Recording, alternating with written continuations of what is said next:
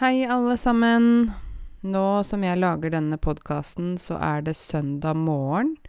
Jeg våknet litt tidlig, jeg vet ikke hvorfor. Eh, Egentlig er jo jeg glad i å sove lenge, men det regnet kraftig på morgenen, og da våknet jeg av lyden til regnet. Det er jo egentlig veldig vakkert å hø høre på regn eh, når man eh, nettopp har våknet. Men eh, Bahia, min hund, måtte ut, og da gikk vi en liten tur. Så har jeg kommet tilbake nå. Jeg sitter fortsatt i pysjamas og morgenkåpe. Vet dere det at den eh, type Ja, den kåpen man har på seg om morgenen, kaller vi for morgenkåpe. Eh, kanskje litt rart ord, men eh, det er en kåpe som man bare har inne, da. Um, jeg har lagd meg kaffe.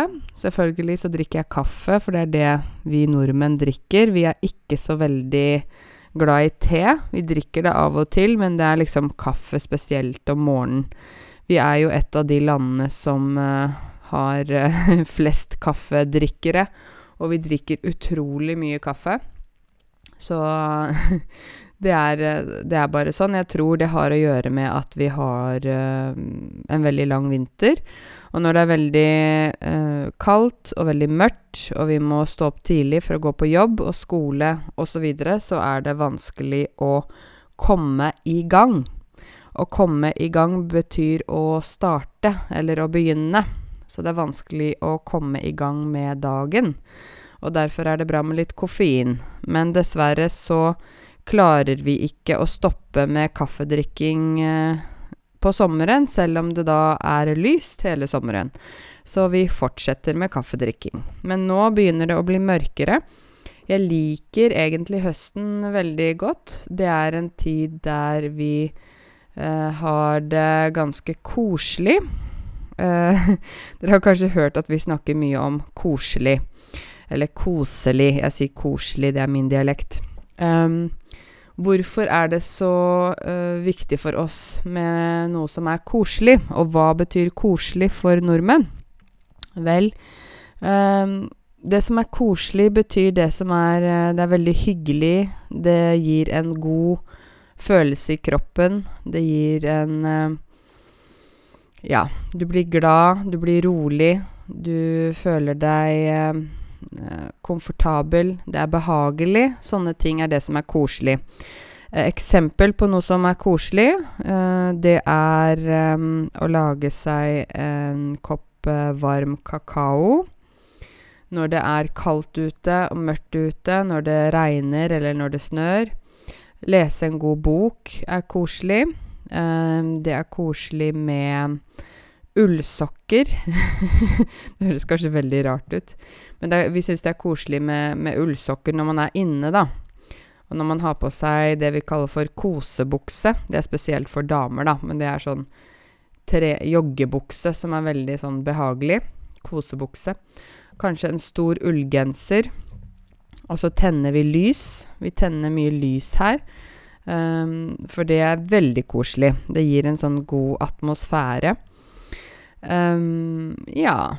Og så kanskje vi ser en god film. Um, har um, dempet belysning. Dempet belysning betyr at vi ikke har veldig sånn skarpt lys. Altså lyset er litt dunkelt. Dunkelt betyr når lyset ikke er veldig klart, da.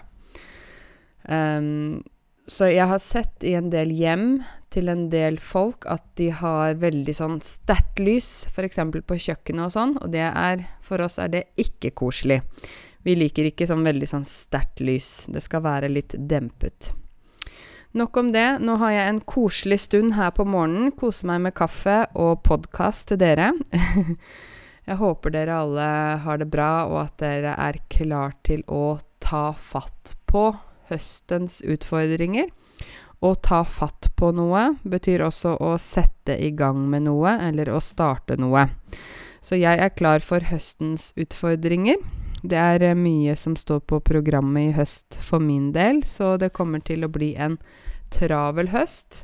Vi kan ikke si at det skal bli en opptatt høst, men at høsten er travel. Det kan vi si.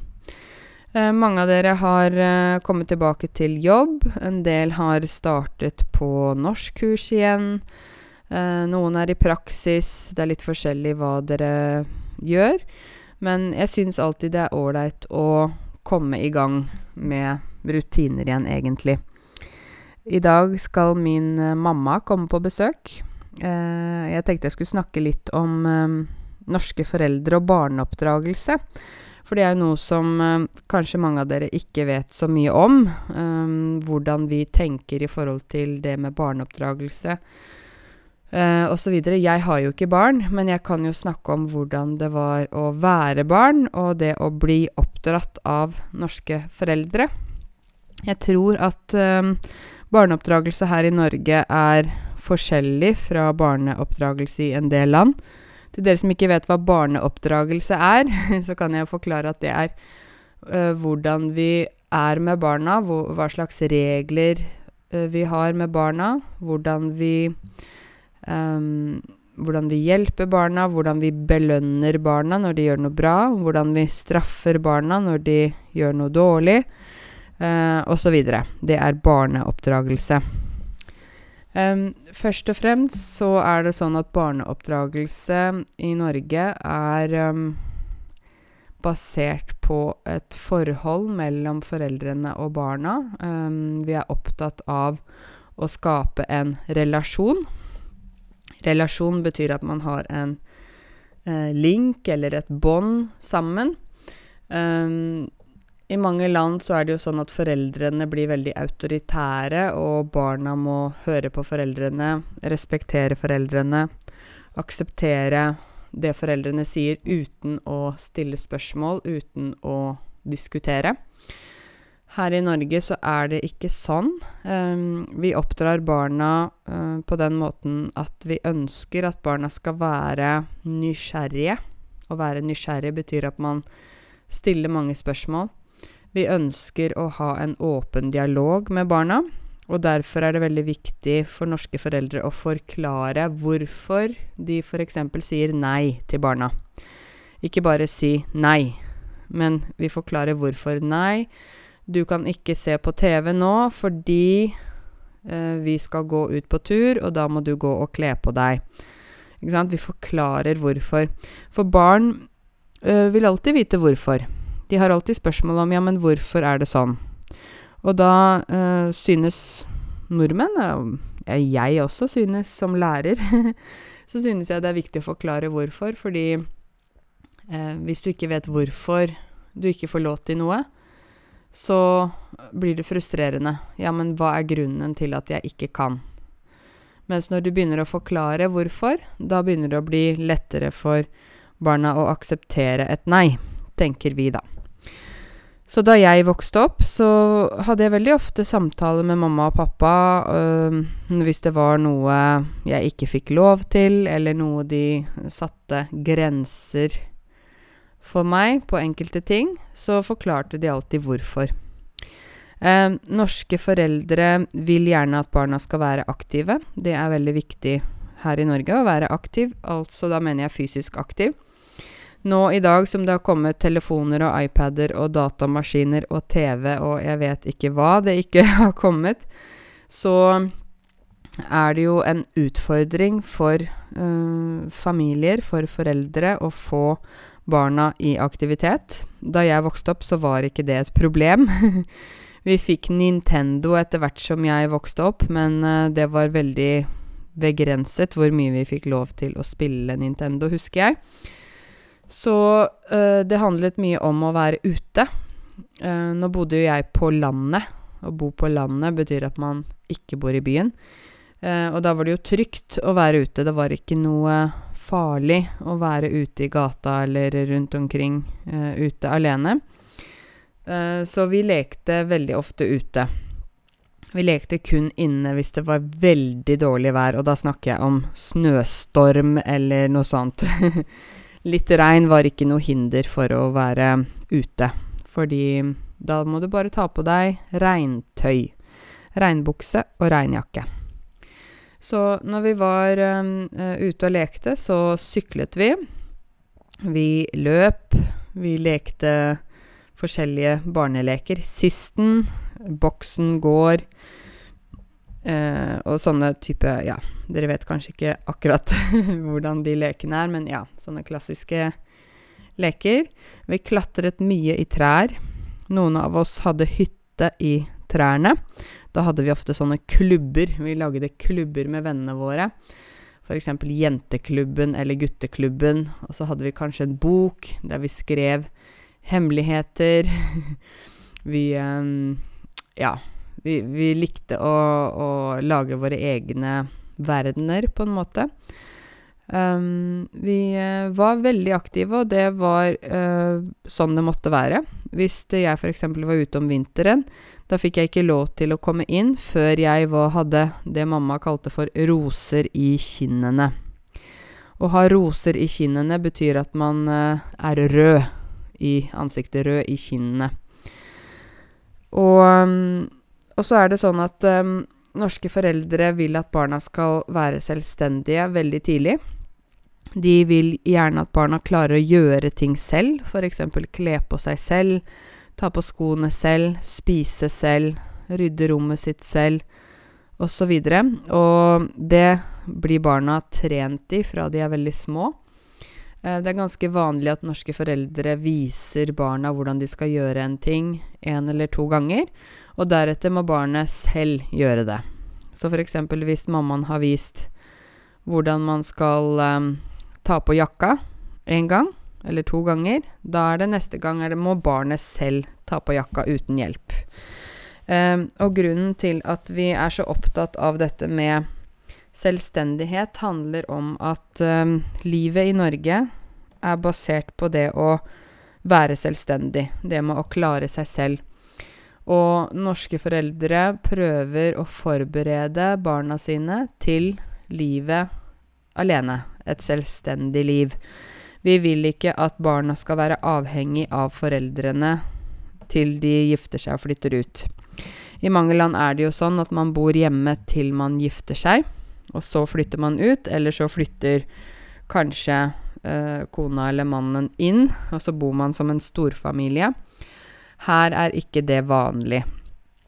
Um, jeg husker da jeg var liten, så var det sånn at Foreldrene mine lærte meg ting, og så ville de at jeg skulle gjøre det selv. Um, og så satte de krav til meg. At jeg f.eks. måtte gjøre husarbeid. Uh, så fikk jeg kanskje ukepenger. Uh, da måtte jeg dekke på bordet, ta av bordet, vaske opp, rydde rommet mitt, hente posten, gå ut med søpla, um, rydde eh, passe på søsteren min av og til, så fikk jeg kanskje ti kroner når uka var over. Um, noen får ikke ukepenger heller, for noen sier at ja, men du bor her, og da får du ikke noe penger for det, fordi du er en del av familien, du er ikke på jobb. um, når det gjelder disiplin Før i tiden uh, Jeg er født i 1985. Og på den tiden så var det ganske vanlig at foreldrene kunne øh, ikke slå barna, men liksom gi en liten sånn ørefik, kaller vi det. Når man slår på øret, veldig forsiktig, det heter ørefik. Eller man kunne slå eh, fort på hånda hvis øh, barnet prøvde å ta noe, f.eks. Det var vanlig da, men eh, nå så er det jo sånn, og det vet dere jo alle, at det ikke er lov å slå barn. Um, det er jo en del foreldre som da sier ja, men i mitt land så er det vanlig, det er sånn vi disiplinerer barna. Hva skal vi da gjøre hvis vi ikke kan slå? Hvis vi ikke kan gjøre noe fysisk for å stoppe barna fra dårlig oppførsel? Oppførsel er hvordan man, hvordan man er. Vel, igjen så er det tilbake til dette her med samtale. Tilbake til dette med å ha en god relasjon med barna snakke med barna, forklare barna ting. Um, vi har jo noen sanksjonsmuligheter. Sanksjonsmuligheter er hva vi kan gjøre for å stoppe ting. Det er f.eks. at uh, vi kan fjerne telefon eller iPad eller datamaskin i en periode. La oss si to uker, en uke. Um, vi kan um, barna kan få husarrest. Husarrest betyr at de f.eks. ikke får lov til å gå ut og leke med venner. Ikke for alltid, men kanskje noen dager, en viss periode. Um, det kan være sånne muligheter som vi har, men å fysisk straffe barna er ikke lov. Uh, og det er jo ifølge FN og Barnekonvensjonen. Det er ikke egentlig bare norske regler, men det er jo FN. FN eller UN, United Nations, som mange av dere kjenner. På norsk Forente nasjoner. Så uh, det er krevende å være foreldre i Norge.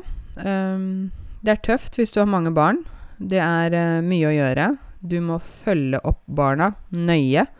Å følge opp betyr at du sjekker, du vet hva de gjør. Du uh, passer på at de gjør lekser, er på trening, uh, spiser bra og sånne ting. I mange land så er det sånn at familiene bor liksom nær hverandre, og naboene er også veldig inkluderende, slik at man kan passe hverandres barn. Men her så er man ganske alene om oppdragelsen, egentlig, og det med å passe barna. Man kan ikke bare gå til naboen og bare 'Hei, kan du ta sønnen min i kveld?' Ikke sant? Man må avtale. Ofte må man jo betale en barnevakt for å sitte med barna, slik at man selv kan gå ut eller Ja. Um, så det er krevende å ha barn her. Det er mange som ser det når de kommer hit, at vi kan ikke ha en stor familie her, for det er både dyrt, det er mye jobb, vi må følge opp veldig nøye, osv. Uh, og så er det jo sånn at skoleaktivitetene, uh, sånn som man har i mange land, at man har fotball på skolen, ikke sant. Her i Norge så er det separert. Da er det etter skolen. Musikk, dans, uh, alle mulige typer sport. Alt er etter skolen. Og det er da foreldrenes ansvar å følge barna til trening. Kjøre de eller gå sammen med de, hente de. Og så kommer helger. Lørdag, søndag. så må foreldrene kjøre eller eh, reise med barna til kamp, f.eks. fotballkamp. Og så har du kanskje tre barn, og alle barna skal forskjellige ting. Da begynner det å bli et logistikkproblem. Da er det viktig at um, foreldrene samarbeider. At man prøver å gjøre det beste for barna, da. Jeg husker at jeg spilte håndball Min søster spilte håndball og fotball. Um, jeg spilte også sjakk, så det var forskjellige aktiviteter i løpet av uka. Søsteren min skulle på trening f.eks. på onsdag, jeg skulle på trening på torsdag. Lørdag så skulle jeg på kamp, søndag skulle søsteren min på kamp, så mamma og pappa var hele tiden sånn uh, med at de skulle uh, ja, følge oss opp, da. Så det er ganske mye jobb. Um, dette her med selvstendighet, det er kanskje det viktigste i norsk barneoppdragelse. Vi er veldig opptatt av at barna skal klare seg selv, at barna skal være sterke. Uh, at barna ikke skal klage over små ting. Um, F.eks. hvis det norske barn gråter, så liker vi ikke å gi dem så mye oppmerksomhet rundt det. Jeg tror også norske barn er ganske stille i forhold til barn i andre land. Uh, norske barn skriker ikke så høyt. um, og vi um, lærer dem mange ting, slik at de, når de uh, blir 18, eller rundt 18, da er det forventet at de flytter ut. Og det er litt sjokkerende for mange av dere, for kanskje i ditt land så er det vanlig at man bor hjemme ganske lenge. Um, her i Norge så er det forventet at man flytter ut når man er 18, 19, kanskje maksimum 20, men da begynner det å bli kritisk. og grunnen til det er at um, her i Norge så lever vi jo et selvstendig liv. Um, vi lever et liv som individ, ikke sånn kollektivistisk samfunn der alle lever sammen, på en måte. Og det kan jo være både gode og dårlige sider ved det. Men sånn er det her. Uh, jeg husker veldig godt da jeg var um, at, Nei, jeg var 17. Skal vi se Ja, 17. Og så var det siste året på videregående skole. Da uh, var det januar, og mine foreldre satte seg ned med meg og ville snakke med meg og fortelle uh, om um, hva de tenkte i forhold til fremtiden min. Så de, vi hadde et sånn møte, familiemøte. Og så sa mamma og pappa Ja, Karense, hva er din plan nå? Jeg husker det veldig godt. Hva er din plan nå? Min plan, sa jeg. Hva mener dere? Vel, nå er du 17, du blir 18 i april, og så er du ferdig på videregående. Hva skal du gjøre da, etter videregående? Og akkurat på det tidspunktet så hadde jeg ikke tenkt på noe plan, egentlig, så jeg forsto ikke helt hva de mente. Jeg tenkte at jeg skulle bo hjemme og jobbe litt og sånn, spare litt penger. Og da sa de at du skal ikke bo her, ikke sant, du skal jo gå videre på universitet. Så ja. Så du må lage en plan. Fordi du, når du blir 18 år, da er du voksen, og da forventer vi at du klarer å leve ditt liv selvstendig. Hvor skal du bo, og hva skal du gjøre? Vi forventer og håper at du studerer. Men i, i, i Norge så kan ikke foreldrene bestemme over barna. De kan ikke si 'du må studere dette', 'du må bli dette', 'du må bo der'. Det kan de ikke bestemme. Fordi når barnet er 18 år, da er ikke barnet et barn lenger. Barnet er voksent. Per norsk lov. Men foreldrene kan veilede og gi råd til barna sine, men de kan ikke bestemme over barna. Det er veldig viktig. Eh, mange eh, fra andre land bestemmer over barna også når barna er voksne. Bestemmer hva barna skal studere. Og jeg har jo sett veldig mange uh, som er veldig ulykkelige i sitt yrke. Å være ulykkelig betyr jo at man ikke er lykkelig, ikke sant? Jeg har sett flere f.eks. ingeniører fra India som ikke ville bli ingeniører. De ville kanskje heller bli kunstnere eller lærere eller noe annet. Men fordi foreldrene har presset de til å bli ingeniør, så har de blitt ingeniør. Men de hater jobben sin. og jeg syns det er veldig viktig at man liker det man gjør, og at det er et eget valg, ikke et valg foreldrene har tatt for deg, for da vil det aldri være et valg fra hjertet ditt, ikke sant? Så i hvert fall um, Vi hadde dette familiemøtet, tilbake til det. Og vi ble enige om at jeg skulle finne ut hvor jeg ville studere. Og da ble det for meg Canada. Uh, det er en lang prosess, det har jeg snakket om tidligere i en podkast. Men jeg ville gjerne lære meg engelsk flytende, og jeg ville gjerne bo i utlandet. Så det ble Canada for min del. Og da var foreldrene mine veldig fornøyde når jeg hadde en plan.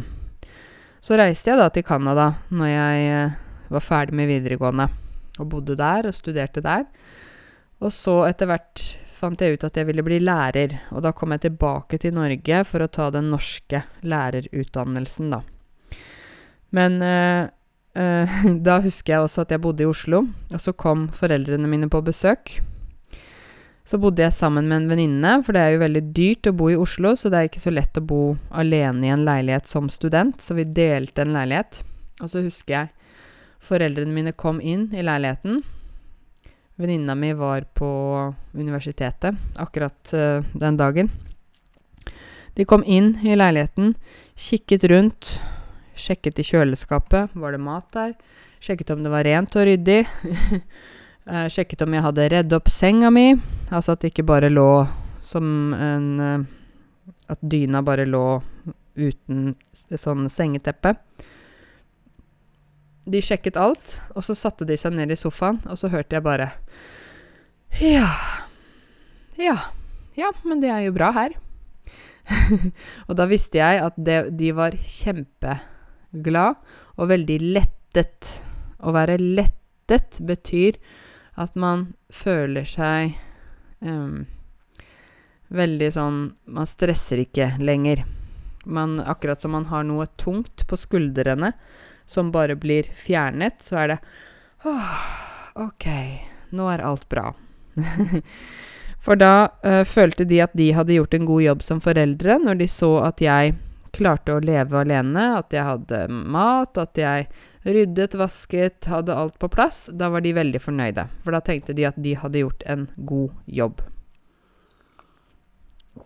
Jeg må drikke litt kaffe mellom her også, så blir kaffen min kald. Um, og det er jo veldig annerledes uh, i forhold til mange kulturer, der det er uh, forventet at barna uh, bor hjemme til de gifter seg, eller hvis de da drar på universitet, så er det kanskje så at de kommer hjem i ferier Altså, det er mye kontroll, da, fra foreldrene. Norske foreldre vet at de ikke kan kontrollere barna sine. For barna vet at når de er 18 år, så er de ikke barn, per definisjon. Så sånn er det bare. Eh, mamma sa jo til meg da jeg skulle flytte ut, så sa hun Karense, jeg er som en ørn. Ørn, vet dere, det er en veldig stor fugl som uh, kan fange fisk fra vannet. Har dere sett ørner? Det er en ørn også i amerikanske flagget, eller amerikanske symbolet, så er det en ørn. Eagle på engelsk. Hun sa 'jeg er som en ørn som har små ørnebabyer'. Og ørnen, hva gjør ørnen når den vil at barna sine skal fly? Ut av redet. Redet, det er der fugler har eggene sine ute i naturen.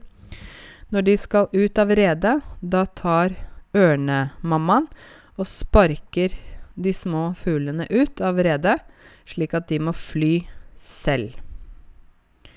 Mamma sa, Karense, jeg kan ikke fly for deg. Jeg kan ikke leve ditt liv. Jeg kan ikke gå for deg. Jeg kan ikke jobbe for deg. Du må gå. Du må jobbe. Du må leve ditt liv. Du må finne din vei, og du må lære det selv. Jeg skal gå med deg, jeg skal være med deg, men jeg kan ikke gå for deg. Du må gjøre det selv. Og det syns jeg er, ve er, veldig sånn fint. Det symboliserer litt hvor viktig selvstendighet er for oss her. For vi lever i et samfunn der man, eh, det forventes at man er selvstendig, at man klarer ting selv, at man ikke ber om så mye hjelp. Dere har jo sett nordmenn, ikke sant, de vil ikke ha hjelp. Eh, og det handler om vår oppdragelse. Det handler om hvordan vi eh, lever her, hvordan vi bor her. Um, vi vil ikke være avhengig av andre for å klare oss. Så det er veldig viktig for oss at vi klarer å leve livet selv. Det betyr ikke at vi ikke har venner og ikke har familie og sånn, men vi må være sterke. Det er viktig for oss. For etter andre verdenskrig, dere, da var jo Norge i en veldig svak posisjon. Da hadde flere steder blitt bombet, en del nordmenn hadde blitt sendt i konsentrasjonsleire, mange var fattige osv., og, så og da var det forventet at både kvinner og menn bygget Norge igjen. Det var ikke bare en jobb for menn. Det var noe som vi gjorde sammen, alle var like viktige. Og selvstendighet har da, siden den tid, vært veldig viktig. Vi hadde en periode på 50-tallet der mødrene var hjemme, de var husmødre og jobbet ikke. Men etter hvert som industrien kom til Norge osv., så, videre, så måtte de også ut og jobbe. For det ble behov for at to foreldre tjente penger. Så selvstendighet, selvstendighet, selvstendighet, det er viktig. Det er derfor dere ser at nordmenn ikke ber om hjelp, ikke vil ha hjelp, eh, blir veldig sånn Syns ting er veldig rart når dere f.eks. prøver å hjelpe de med ting eller noe sånt. Eh, fordi at vi er ikke oppdratt sånn. Så eh, ikke bli sånn overrasket når nordmenn sier nei, nei, nei, jeg trenger ikke hjelp. Det er bare fordi det er sånn vi er oppdratt. Jeg har lært at det å få hjelp fra andre også er veldig positivt og kan være et stort pluss. Så jeg tar imot hjelp, men det tok lang tid før jeg aksepterte at noen skulle hjelpe meg. Om det var bare med å åpne døra på Ikke sant? Uh, at noen skulle åpne døra for meg, det var rart. Selv om jeg kanskje holdt ti poser i hendene og ikke hadde mulighet til å åpne døra selv uten å sette posene ned. Um, jeg har hatt venner som har hjulpet meg når jeg har flyttet, f.eks. Sånne ting. Så det har tatt tid å akseptere, da. Det er bare det. Um, så min mamma kommer i dag uh, på besøk, og det er en stund siden hun har vært her. Uh, det er ikke sånn at min mamma bare kommer på døra uanmeldt. Uanmeldt betyr at man ikke sier ifra at jeg kommer. Det skjer aldri at min mamma kommer uanmeldt, og det er fordi hun uh, ikke vil forstyrre meg. Hun vet at jeg er opptatt ganske ofte. Så vi har nå avtalt, da og jeg må liksom invitere min egen mor til å komme til meg for at hun skal komme. Um, det er også sånn at uh, jeg snakker ikke med f.eks. mamma hver dag. Absolutt ikke. Hvis jeg ringer til henne hver dag, da begynner hun å spørre meg Karense, uh, er det noe galt? Hvorfor ringer du hele tiden? Det er ikke vanlig for oss å ringe så ofte. Um, jeg snakker med mamma kanskje én eller to ganger i uka, og det er nok. Hvis jeg begynner å ringe mer enn det, så er det en spesiell grunn. Da er det kanskje noen problemer eller Men det er ikke vanlig å ringe så ofte. Kald kaffe. Ja, ja. um, og det er fordi at uh, jeg har mitt liv, mamma har sitt liv. Um, hun vil aldri komme inn og bestemme over ting, f.eks. i huset mitt, eller noe sånt. Det er også sånn at når nordmenn får barn, så er det ikke vanlig at f.eks. bestemor eller mammaen til den som har fått barn, da, bor sammen med familien. Det er for oss en veldig privat tid. Altså akkurat når man har fått et barn, da er det ikke mange som kommer på besøk de første dagene. Da skal man la det paret være i fred med barnet. Og det er ikke sånn at en, en, bestemor eller en bestefar kommer og bor sammen med de som har fått barn. Fordi vi tenker det er en tid der de må selv bli vant til den nye babyen og finne ut av rutiner og sånn. Så kan man heller komme litt mer etter hvert. Komme inn i bildet, heter det. Det betyr å bli involvert. Så man kan komme inn i bildet etter hvert, men ikke med en gang. Så mm, er det jo én ting til, og det er dette med sykdom. Eh, når norske barn er syke, så kan jo foreldrene være hjemme fra jobb. Og er de sånn at de kan smitte andre barn, f.eks., så kan de ikke gå på barnehagen eller skolen. Men eh, hvis de ikke er så veldig syke, da vil foreldrene eh, i ni av ti tilfeller Ni av ti foreldre vil da få barna på skolen, uten å gi dem mye oppmerksomhet. Jeg husker godt jeg hadde Jeg var forkjøla, jeg hadde bronkitt, jeg var liksom Når jeg var syk da jeg var ung, barn, så ble jeg tvunget til å gå på skolen. Så fikk jeg beskjed om at hvis du fortsatt ikke klarer å være på skolen etter eh, en time eller noe sånt, hvis du fortsatt er så veldig dårlig, da får du gå hjem. Men stort sett så klarte jeg jo å være på skolen, bare ta det litt mer med ro. Um, jeg fikk ikke mye oppmerksomhet fra mine foreldre hvis jeg var syk. Det var ikke sånn 'Å, stakkars deg'. 'Uff, Karense, vil du ha te? Hva vil du ha? Skal jeg hjelpe deg?' Nei. De hadde ikke så mye fokus på det. Uh, og det har jo gjort til at jeg i dag er sånn hvis jeg er litt syk, så er jeg ikke syk, på en måte. Det er liksom Det er ikke noe som heter litt syk for meg, da. Enten er jeg veldig syk, og da klarer jeg ikke å komme meg ut av senga eller noe sånt. Eller så er jeg bare litt redusert, men jeg klarer å gjøre ting. Um, og det er jo forskjellig fra For i mange land så er det jo veldig mye dramatikk når man er syk. Og sykehus og medisiner og doktor og oi, oi, oi.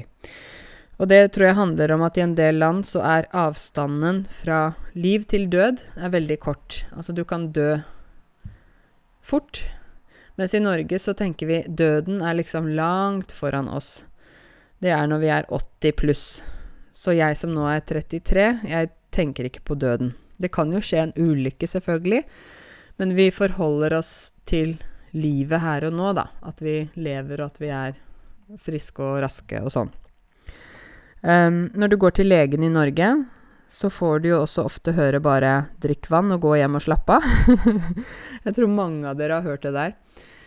Um, ja, vi uh, sier det.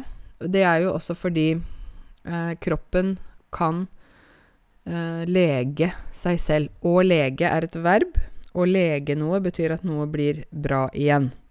Kroppen kan lege seg selv, men det tar gjerne litt lengre tid enn om man putter masse medisiner i kroppen.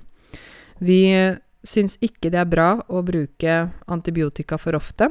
Legene er veldig strenge på det i Norge. Du kan ikke bare få de pillene du vil uten grunn. De måler, de tar blodprøver og sjekker, og veldig ofte sier de 'gå hjem og slapp av'. Og det er veldig frustrerende hvis man kommer fra land der man får medisiner veldig lett og veldig fort. Men grunnen til at vi gjør dette her, dere, det er fordi i verden så er det nå et globalt problem med at uh, Stadig flere og flere bakterier blir antibiotikaresistente.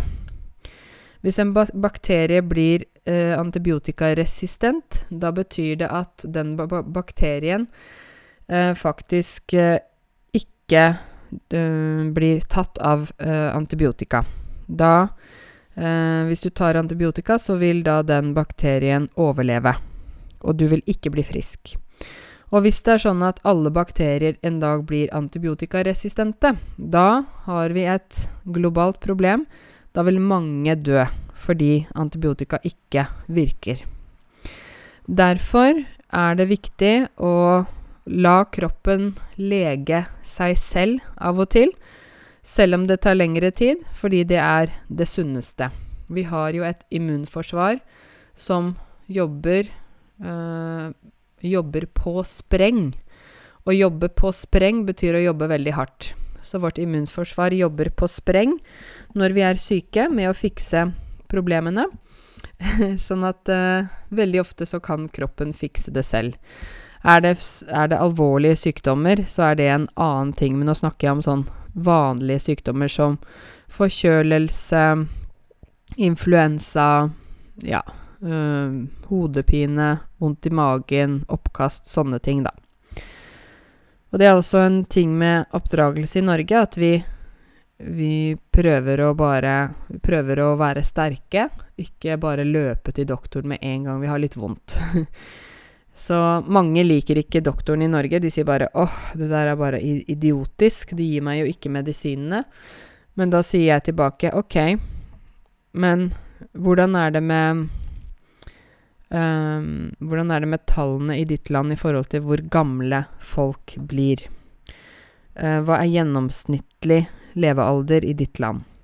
Norge har 81 år for menn, 83 år for kvinner. Og i mange land så er jo tallene veldig lave. Folk dør tidlig. Og da vil jeg si ok, hvorfor dør folk så tidlig? Det kan jo være mange grunner til det. Um, men de som da kommer og sier ja, i Norge så får jeg ikke medisiner, jeg får ikke hjelp og sånn og sånn, jeg må ha medisiner. Ja, men medisiner er fint, men bare når vi trenger det, når det er helt nødvendig. Det er ikke bra å bruke medisiner når kroppen kan fikse ting selv. Så jeg husker godt at uh, da jeg var syk da jeg var liten, så var det ikke så mye sympati å få fra mine foreldre, så sant jeg ikke var veldig syk, da. Og jeg tror det har påvirket meg i dag til at jeg, jeg er sterk. Jeg uh, tenker at jeg er sterk, og dermed er jeg sterk. Så ja, det blir hyggelig når mamma kommer etterpå. Jeg gleder meg til det. Jeg tenkte jeg skulle lage en suppe av gulrøtter og søtpotet, kokosmelk, ingefær, eh, currypaste, koriander og hvitløk. Jeg skal lage en sånn suppe, og med godt brød til. Det er også koselig å spise suppe når det er høst, for øvrig. Um, det er en ting til som jeg tenker litt på disse dagene, som er sånn kjedelig å tenke på. Det er at jeg bor i et hus, og huset mitt er fra 1936. Eventuelt kan vi si 1936. Mange eldre sier jo det. 1936. Og um, dette huset eh, har en del fukt. Vet du hva fukt er? Fukt er når det er vann i lufta. Når det, også når det kommer fukt i et hus, så er det eh, vann i veggene. Spesielt i grunnmuren. Grunnmuren er det du bygger først når du bygger et hus. Det er grunnmur først, og så bygger du oppå det. Første og andre etasje, ikke sant? Så der jeg bor, er det en butikk i første etasje. Og den butikken har problemer med fukt. Det er veldig fuktig luft der inne. Og nå skal vi da drenere rundt huset. Å drenere betyr at man graver tre meter rett ned fra bakken. Og så vet jeg ikke helt hva de gjør, om de setter noe greier inn i muren, eller hva de gjør, men det er i hvert fall det må vi gjøre, for huset er gammelt. Og det er så kjedelig å bruke penger på. Det er liksom Det er meg som bor her, og en annen familie. En dame som har en leilighet, og butikken. Så vi er fire enheter, da.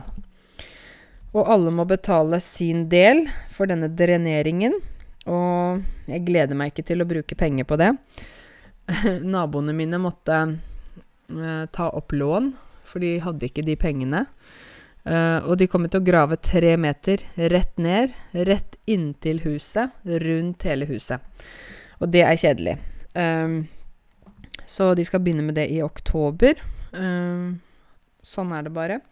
Det er jo uh, litt når det gjelder hus, dere, så er det jo en del av dere som har spørsmål rundt hus, bolig og sånn i Norge. Tenkte jeg bare forklare dere litt kort hvordan det er. Um, for det første er det dyrt å kjøpe bolig i byene. Hvis du bor utenfor byene, er det ikke så dyrt. Vi har jo flere typer boliger. Vi har jo enebolig, som er et hus med en familie, eller ja. Så er det tomannsbolig. Da er det et hus som er delt i to. Firemannsbolig. Da er det et stort hus som er fire leiligheter, på en måte. Så er det rekkehus, hvor det er hus som står tett sammen. Gjerne ofte har de to-tre etasjer. Og så er det lavblokk med maksimum fire etasjer. Høyblokk fra øh, fire etasjer og oppover. Og så er det Og der er det leiligheter, ikke sant? Og så har man jo også hybel, som er en liten leilighet. Jeg tror jeg snakket om dette før, men jeg husker ikke helt. Det gjør jo ingenting om jeg repeterer det, tror jeg.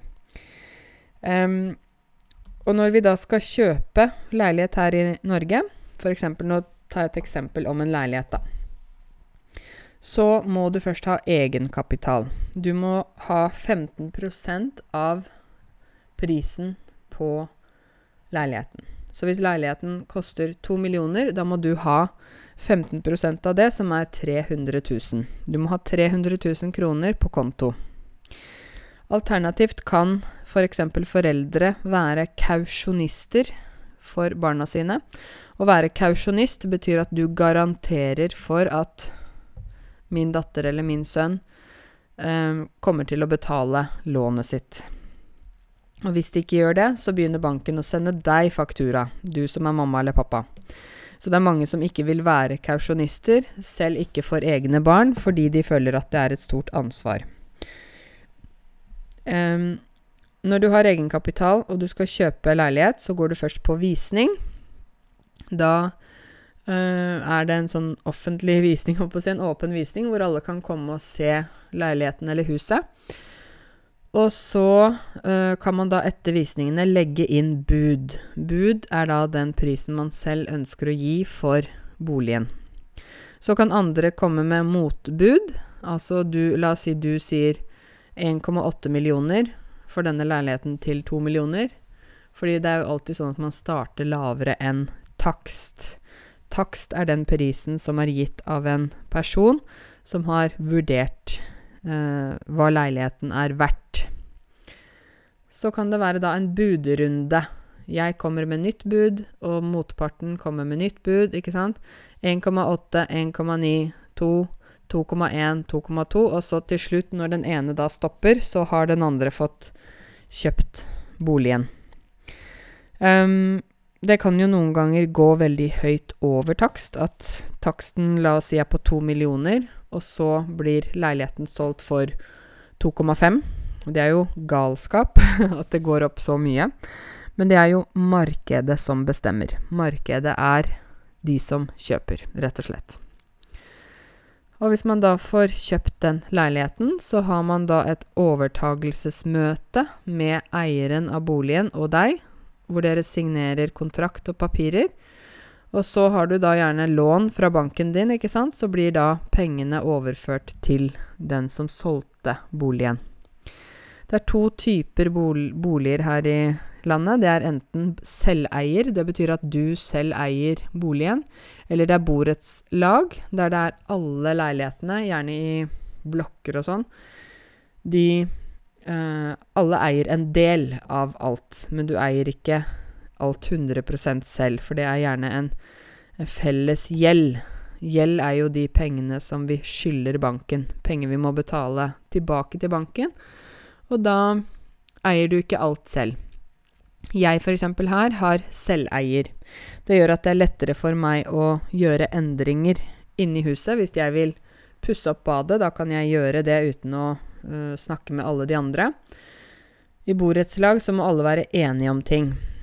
Samtidig er det mer trygghet og sikkerhet i borettslag fordi det er flere personer involvert. Hvis du kjøper en selveier, da må du betale 2,5 uh, i sånn uh, boligskatt, på en måte, direkte til staten. Og det kan jo da være mye, ikke sant? Um, 2,5 av, uh, av 2 millioner, det blir jo en del penger. Så det er litt forskjellig, da.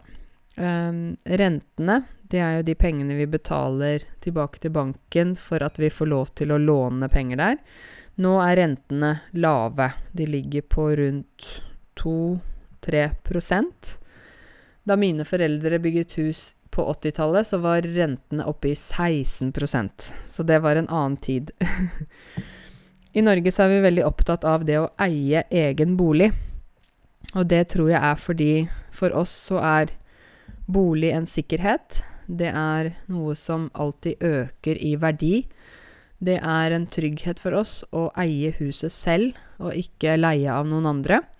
Og dessuten syns vi når vi leier av andre, så kaster vi penger direkte til andre folk.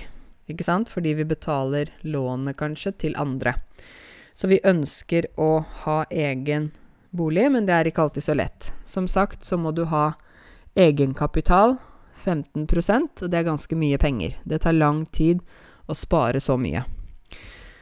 Eh, nordmenn er opptatt av huset sitt. Vi er opptatt av interiør, særlig damene. Vi er opptatt av hvordan det ser ut inne. Vi pusser opp hele tiden. Maler og bytter sofaer og uh, fikser inne. Og det er fordi vi er mye inne.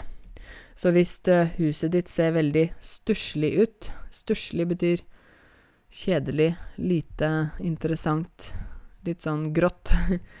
Hvis huset ditt er stusslig, så er det ikke noe koselig å sitte der heller. Men du må jo være inne når det er vinter og kaldt. Og da er vi opptatt av at det er hyggelig rundt oss. Så vi er veldig opptatt av interiør. Vi har store vinduer. Det er jo rart for noen av dere. Store vinduer fordi vi liker å få lys inn, for det er så mørkt her om vinteren. Mens i mange land så har man gjerne gardinene for, slik at ingen kan se inn. Vi har lyset på, og, og vinduene er liksom åpne, så du kan se at folk er inne i huset. Og det er rart for mange. Um, vi er jo også veldig opptatt av eh, ikke sant, hvordan er det med varmesystemet, for det er viktig for oss. Hvordan er det med isoleringen? Isole isolasjon, hvordan man Sånn at eh, kald luft ikke kommer inn om vinteren, f.eks. Vi er opptatt av eh, hage, eh, veranda Det er mange ting vi tenker på da når det gjelder bolig. Så jeg ser at en del Og jeg vet at det ikke er norske, fordi Nordmenn er opptatt av verandaen sin. Men der jeg bor, så er det en del innvandrere. Og jeg ser at de ofte bruker verandaen som lagringsplass, altså at de setter ting ut der, akkurat som det er et ekstra rom der de kan putte ting de ikke trenger.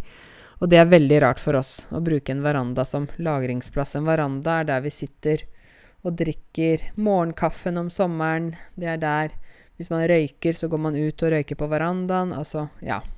Så det er veldig viktig for oss, da. Så ja. I denne podkasten har jeg snakket mye, som vanlig.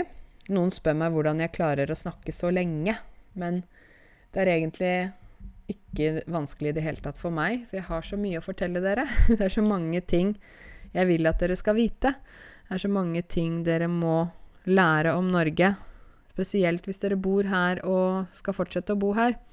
Så det er jo derfor jeg lager denne podkasten først og fremst. For jeg vil at dere skal lære om Norge og norsk kultur, hvordan vi tenker osv. Og så er det jo samtidig en veldig god lyttetrening. Jeg har hørt flere si at de føler at de har blitt bedre til å forstå når nordmenn snakker etter at de har hørt mye på denne podkasten. Så jeg håper jo at dette har en effekt, ikke sant? Um, jeg vil gjerne at dere skal komme med forslag til temaer jeg kan snakke om. For det er jo alltid fint å få eh, informasjon om hva dere ønsker, hva dere trenger. Så jeg kommer til å skrive e-posten min nå i beskrivelsen på denne episoden. Der står det min e-post. Det er ikke så vanskelig. Det er karense alfakrøll norwegianteaching.com.